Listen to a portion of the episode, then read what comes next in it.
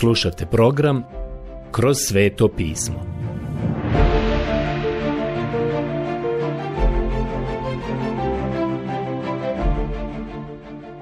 Knjiga Evanđelje po Ivanu. Odlomak Evanđelje po Ivanu, poglavlje 5, od 1. do 24. stiha. Prijatelji, danas dolazimo do ovog prekrasnog događaja koji smo tek spomenuli prošli put a to je iscjeljenje čovjeka pored bazena u Bedzeti. Tamo je bio ovaj nemoćni čovjek. Isus i čovjek pored bazena u Bedzeti. Ovo čudo je u izvjesnom smislu zapravo jedna prekretnica u Kristovoj službi. Vidimo da je ovo čudo dovelo lovce mržnje na njegov trag i oni nikada nisu popustili sve dok ga nisu usmrtili na križu. Obratite pažnju na 16. stih u ovom poglavlju. Ja ću danas početi od njega radije nego li od prvog stiha. Zato su židovi, a to znači vjerske vođe, progonili Isusa, jer je to bio učinio u subotu. Evanđelje po Ivanu 5.16 Vidimo da je to bilo zbog kršenja subote. Isus se sukobio sa njima oko subote, a oni mu nikada nisu oprostili ono što je učinio subotom i zbog onoga što je rekao. Subota je tu zbog čovjeka, a nije čovjek zbog subote. Pogledajte Evanđelje po Marku 2.27. Ovo čudo koje je naš gospod učinio ovdje, zaista je u njihova srca donijelo misli o tome da ga ubiju.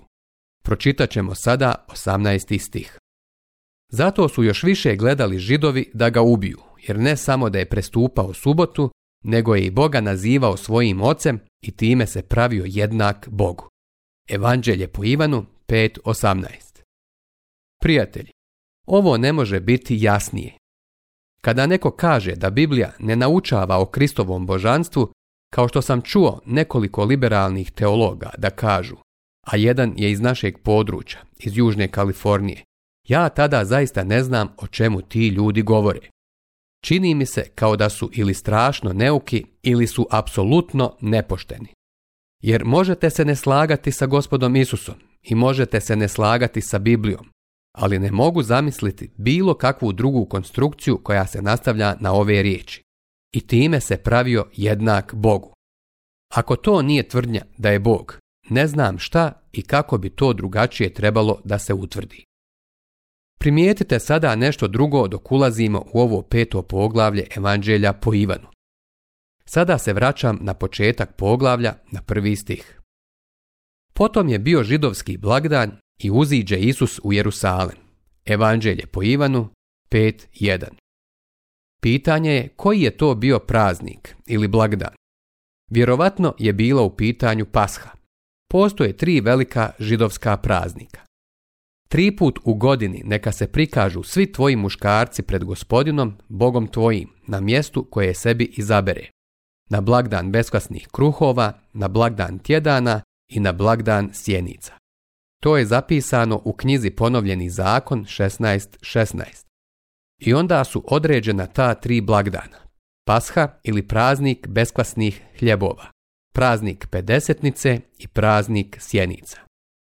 I u Evanđelju po Ivanu u drugom poglavlju vidimo da se govori o pashi, a u Evanđelju po Ivanu u sedmom poglavlju vidimo da se govori o prazniku sjenica. Mnogi pretpostavljaju da je praznik koji se ovdje spominje praznik pedesetnice. Moram vam priznati da ne znam zasigurno. Ja prije mislim da bi to opet mogao biti praznik Pashe. Ali bez obzira na to mi ovdje vidimo sljedeće stvari, a meni je to najvažnije. U Jerusalemu je kod ovčijih vrata ribnjak koji se zove hebrejski Bedzeta, a ima pet trijemova. U njima je ležalo veliko mnoštvo bolesnih, slijepih, hromih i uzetih.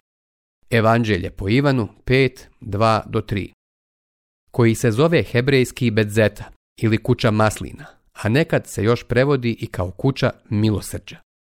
Zasigurno je mnogima bila kuća milosrđa. U njima je ležalo veliko mnoštvo, ovo veliko se ne nalazi u boljim manuskriptima, ali onako nam ne treba. Ako bismo rekli samo u njima je ležalo mnoštvo, i to je više nego dovoljno, jer mnoštvo se odnosi na veliki broj. Dakle, tamo je ležalo mnoštvo nemoćnih i bolesnih ljudi, a to znači ljudi bez snage. Prije mnogo godina, dok sam bio pastor u Pasadeni, odlazio sam godinu dana da govorim u preventorijumu gdje su se nalazili mališani Dječaci i djevojčice koji su imali slaba pluća, a neki od njih su imali tuberkulozu. Organizovali su uskršnji program i tamo je bio jedan mališan koji je citirao ovo cijelo peto poglavlje Evanđelja po Ivanu. Svih 47 stihova. Napravio je samo jednu pogrešku, a ja sam uvijek smatrao da ta njegova pogreška i nije bila velika pogreška. Mi smo sada ovdje u trećem stihu. Evo kako je on to citirao. U njima je ležalo veliko mnoštvo važnih ljudi i bio je nemali broj onih koji su to primijetili i nasmiješili se.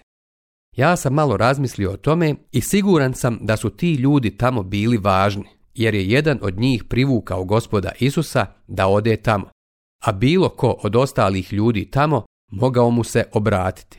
Oni su bili važni Isusu.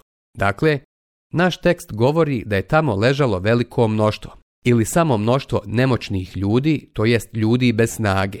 Oni su bili slijepi, hromi, nepokretni i čekali su da se voda uzburka. Četvrti stih se ne nalazi u nekim manuskriptima, ali ne želim ulaziti u raspravu u vezi sa tim. Nemali broj će mi reći da ne vjerujem u nepogrešivost pisma, ali ja vas želim uvjeriti da vjerujem u nepogrešivost pisma. Šta mislite zašto bih ja onda predavao cijelu Bibliju? Ali ja zaista mislim da postoji nešto poput temeljne konzervativne nauke. Ti naučnici smatraju da budući da ovaj stih nije u boljim manuskriptima, vjerovatno da je onda ubacio neki pisar kao riječ objašnjenja. To što piše u tom stihu je činjenica, ali da li je tom stihu mjesto u svetom pismu, to je druga stvar.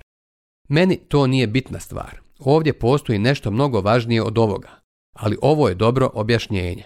Zašto su ovi ljudi bili ovdje? Jer je anđeo gospodnji silazio u određeno vrijeme u kupelj i zaljuljao vodu.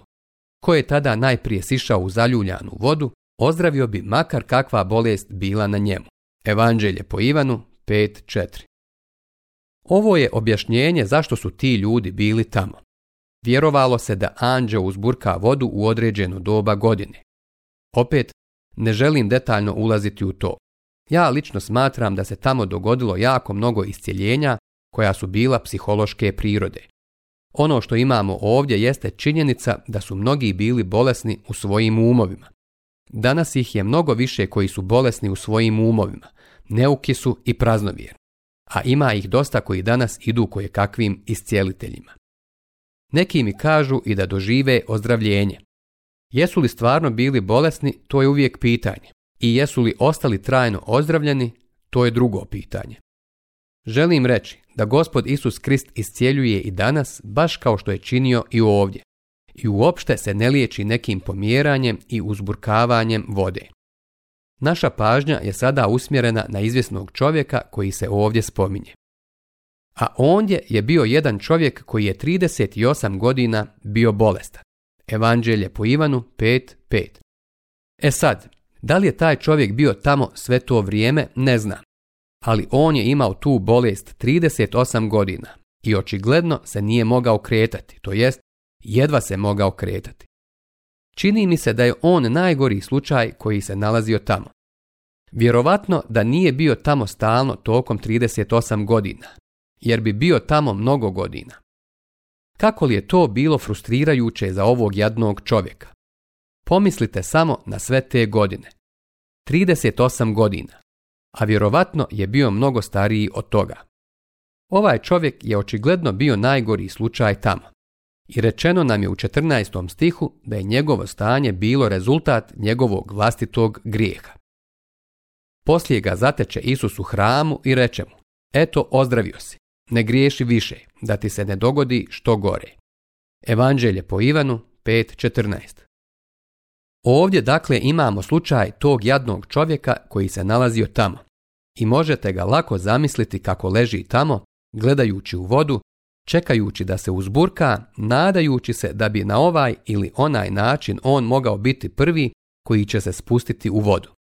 Nizalo se razočarenje za razočarenje, jer je bio u tako lošem stanju da nije mogao sam ući u vodu. Dok je drugima to uspijevalo, njemu nije. I siguran sam da je tamo vidio mnoga ozdravljenja, odnosno ljude bolesnih umova i siguran sam da su bili ozdravljeni. Jer oni su bili bolesni u svome umu i ozdravljeni također u svome umu. Taj čovjek je gledao u taj bazin. Zapazite sada kako mu naš gospod pristupa. Kad ga vidje Isus gdje leži i dozna da je već odavno bolestan, upita ga. Želiš li ozdraviti? Evanđelje po Ivanu 5.6. Hoćeš li ili želiš li iskreno biti ozdravljen? Molim vas, pogledajte sad ovo. To je čudno pitanje koje je Isus postavio ovom bolesnom čovjeku. Čini se prilično absurdnim, zar ne? Naravno da je želio biti ozdravljen. Zašto ga je onda gospod to pitao? Mislim da je to učinio iz dva razloga.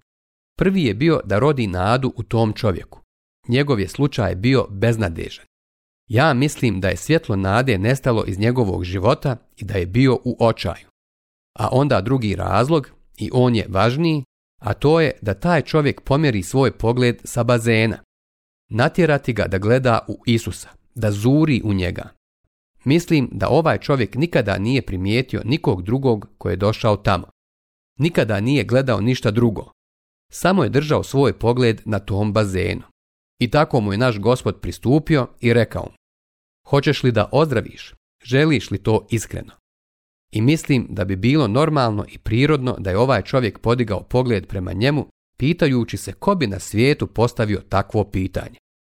Odgovorio je Isusu, naravno, želim biti ozdravljen, ali to nije moj problem. Moj problem je što mi treba neko ko će me staviti u vodu. Mislim da je taj čovjek posmatrao taj bazen, čekajući da se nešto dogodi. Znate li da je to stanje i mnogih ljudi danas? Dovoljno sam hrabar da kažem da je to stanje svih nas u današnje vrijeme. Samo pomislite na ljude, čak i u našim crkvama, koji čekaju da ih obuzme neka velika i snažna emocija i da zaplaću. Ima i oni koji odgađaju odluku za Krista. Nisu voljni obratiti se. Zašto? Oni očekuju neku emociju. Oni traže da se nešto dogodi. A ono što traže danas nikada neće doći do velikog broja ljudi. Desit će se nekima, ali ne svima. A onda ima mnogo ljudi koji na posao gledaju iščekujući da se nešto dogodi, da se brzo obogate. Bio sam pastor u Teksasu na mjestu gdje su bušili naftu i imao sam mnogo ljudi u crkvi koji su samo sjedili i promatrali suhu bušotinu. Nije bilo pomicanja vode niti bilo čega. Bilo je suho. Htjeli su da postane naftna bušotina. Moram priznati da su i oni bacili oko na fizičke stvari i da su bili općinjeni materijalnim, te da su izgubili iz vida Isusa Krista. Danas postoje ljudi koji traže nekog pojedinca, čekaju da im se nešto dogodi u životu. Čuli su za iskustvo nekog drugog i osuđeni su na gorko razočarenje. Zašto? Razgovarao sam sa mnogima od tih ljudi. Oni spadaju u neku od ovih kategorija koje sam već spomenuo. Čekaju danas. Oči su im uprte u nešto, ali u pogrešnu stvar ili u pogrešnog pojedinca ili u nešto pogrešno što se događa danas. Postavio bih vam pitanje. Da li vi čekate da se nešto dogodi ovih dana? Šta je to što čekate? Mogao bih vam napisati vašu biografiju ako biste mi rekli šta je to. Solunjani su se okrenuli Bogu od idola da bi služili živom i istinitom Bogu. Skrenuli su pogled sa stvari u Solunu i obratili su se gospodu Isusu Kristu. I tako je ova jadni bespomoćni čovjek koji je bio tamo pored bazena u Bedzeti ili kako piše u nekim prevodima pored ribnjaka on je podigao svoj pogled prilično začuđen što mu je neko postavio takvo pitanje. Gospodine, nemam čovjeka da me spusti. Riječ koju je upotrijebio je bala, od koje dolazi naša riječ lopta. Pa tako bi to moglo da glasi. Nemam čovjeka da me ubaci u ribnjak kada se zaljulja voda. Dok ja dođem, drugi siđe prije mene. Evanđelje po Ivanu 5.7 Kakva tužna priča Ovaj čovjek je bio jadan, bespomoćan, beznadežan, beskućnik, usamljen i znate šta zapravo on govori. On govori, da li bih bio ozdravljen? Naravno da bih, ali nemam nikoga da me stavi u bazen. Da li biste me spustili u bazen? A gospod Isus nije imao namjeru da spusti tog čovjeka u taj bazen. Namjeravao ga je izvući iz toga i udaljiti ga od toga. Onog trenutka kada je pogledao gospoda Isusa, nešto se dogodilo i gospod mu sada kaže, ustani, ispravi se. Tada mu reče Isus, ustani, uzmi svoju postelju i hodi. Evanđelje po Ivanu 5.8 Drugim riječima, kako je rekao stari skoč Divine, rekao mu je da uzme svoj krevet i da hoda, da ustupi svoje mjesto tamo pored tog bazena nekom drugom jer neće imati recidiv. Ne pravite planove za povratak na staro. Sada, što se ovdje događa? Neprijatelji su ga optužili da nosi svoju postelju u subotnji dan. E to je bio dokaz da je ozdravio. I obratite sada pažnju na ono što će se dogoditi. Odmah ozdravi taj čovjek, uze svoju postelju i hodao je naokolo. A taj je dan bila subota. Zato rekoše židovi onome što ozdravi. Subota je, ne smiješ nositi svoju postelju. Evanđelje po Ivanu 5, 9 do 10. Ne možete zamisliti ništa što je tako smiješno kao što je ovo, ali to je ono što su oni učinili. On im odvrati. Koji me iscijeli, reče mi, uzmi svoju postelju i hodi. A oni ga zapitaše, tko je taj čovjek koji ti reče, uzmi svoju postelju i hodi. Evanđelje po Ivanu 5, 11 do 12. Ko ti je to rekao? Istijeljeni nije znao tko je bio, jer se Isus bio sklonio. Ondje je naime bilo veliko mnoštvo ljudi. Evanđelje po Ivanu 5.13 I mislim da je naš gospod upotrijebio zapravo čudesan način da pobjegne od mnoštva ljudi tog dana. A ovaj čovjek nije znao koga je iscijelio. Poslije ga zateče Isus u hramu i reče mu, eto ozdravio si, ne griješi više da ti se ne dogodi što gore. Tada ode čovjek i javi židovima, vjerskim vođama, da je ono bio Isus koji ga je iscijelio. Zato su židovi, vjerske vođe, progonili Isusa, jer je to bio učinio u subotu. Evanđelje po Ivanu 5, 14 do 16. A ono što se zapravo dogodilo je jednostavno ovo. Gospod ga je fizički iscijelio pored bazena Bedzeta, ali dušu mu je iscijelio u hramu. Grijeh mu je uzrokovao nevolje. Nije dobio samo zdravo tijelo, nego je dobio i zdravu dušu. Vidite, upoznao je Isusa. Sada je mogao reći koga je iscijelio. Ovaj nemoćni čovjek koji je gledao u bazen, čekao i čekao. Jednog dana naišao je Isus, jaganjac Božiji i ugledao ga. Tada je i ovaj čovjek ugledao Isusa. Nemoćni čovjek je sreo svemoćnog čovjeka. I nevjerovatna stvar za mene jeste da je mnoštvo ostalo u tim trijemovima pored bazena i nisu bili izliječeni. Mnoštvo ni danas nije spašeno. Zar Isus nije voljan? Ali oni nisu gledali u Isusa. Prijatelji, oni čekaju. Oni samo čekaju da se nešto dogodi, ali očigledno se ništa neće dogoditi. Sada imamo ovaj događaj koji se dogodio i to je ono što je pse mržnje navelo na Isusov trag. Molim vas, zapazite sada sljedeće. Isus im izjavi. Otac moj neprestano djeluje, danas kao uvijek, i ja tako radim. Evanđelje po Ivanu 5.17 Drugim riječima, kada je čovjek sišao u jarak grijeha, tada ni gospod Isus, a ni otac nisu više počivali u dan subotnji. Bog se odmorio nakon stvaranja fizičkog univerzuma, ali nakon stvaranja čovjeka nije se odmorio jer je čovjek poput vola koji je sišao u jarak. Tako su Isusa sve više pokušavali ubiti jer on ne samo da je prekršio subotu prema njihovoj procjeni, već se izjednačio sa Bogom.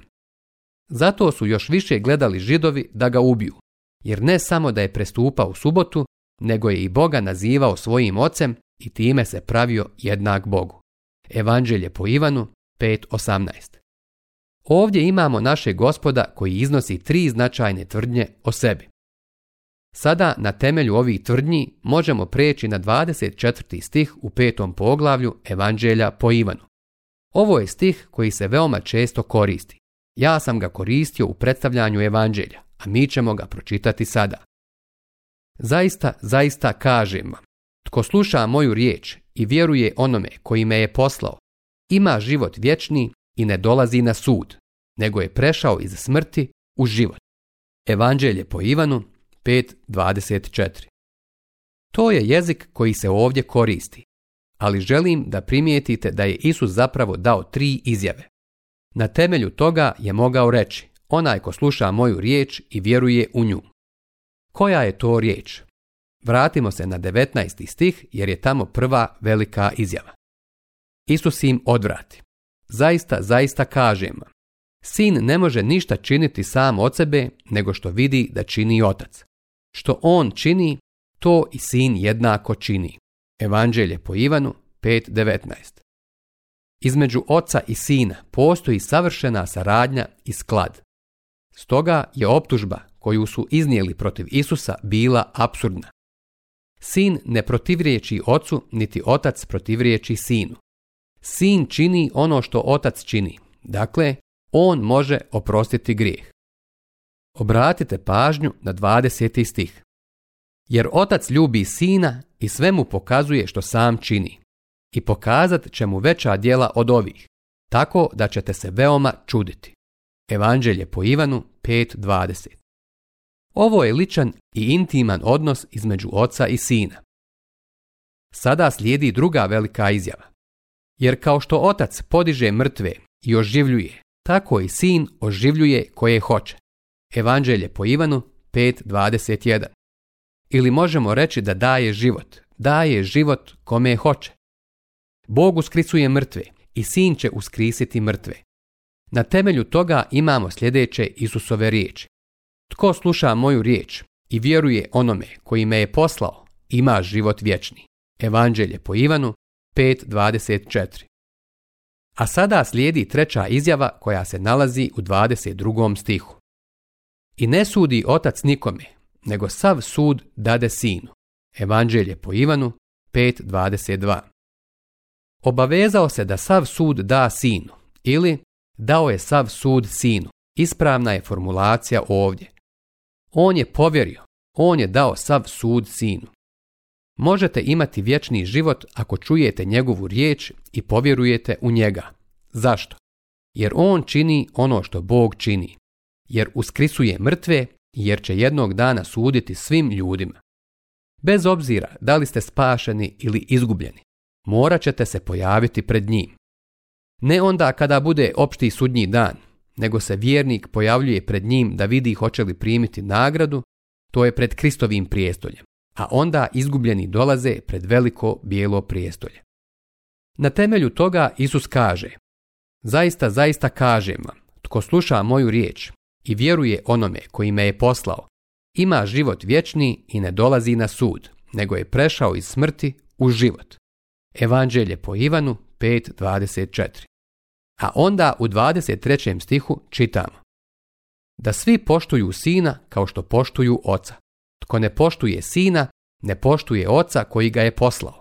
Evanđelje po Ivanu 5.23 Vjerujte mi, Isus sebe stavlja u ravan sa Bogom, a prijatelju moj, ono što tebe spašava je da čuješ Isusa Krista i povjeruješ njegovim riječima. Sada dolazimo do kraja opisa ovog događaja, ali idući put u ovom poglavlju ćemo nastaviti govoriti o ovoj posebnoj temi i počet ćemo od 25. stiha.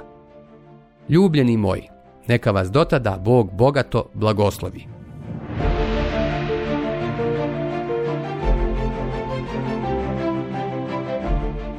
Slušali ste emisiju Kroz sveto pismo.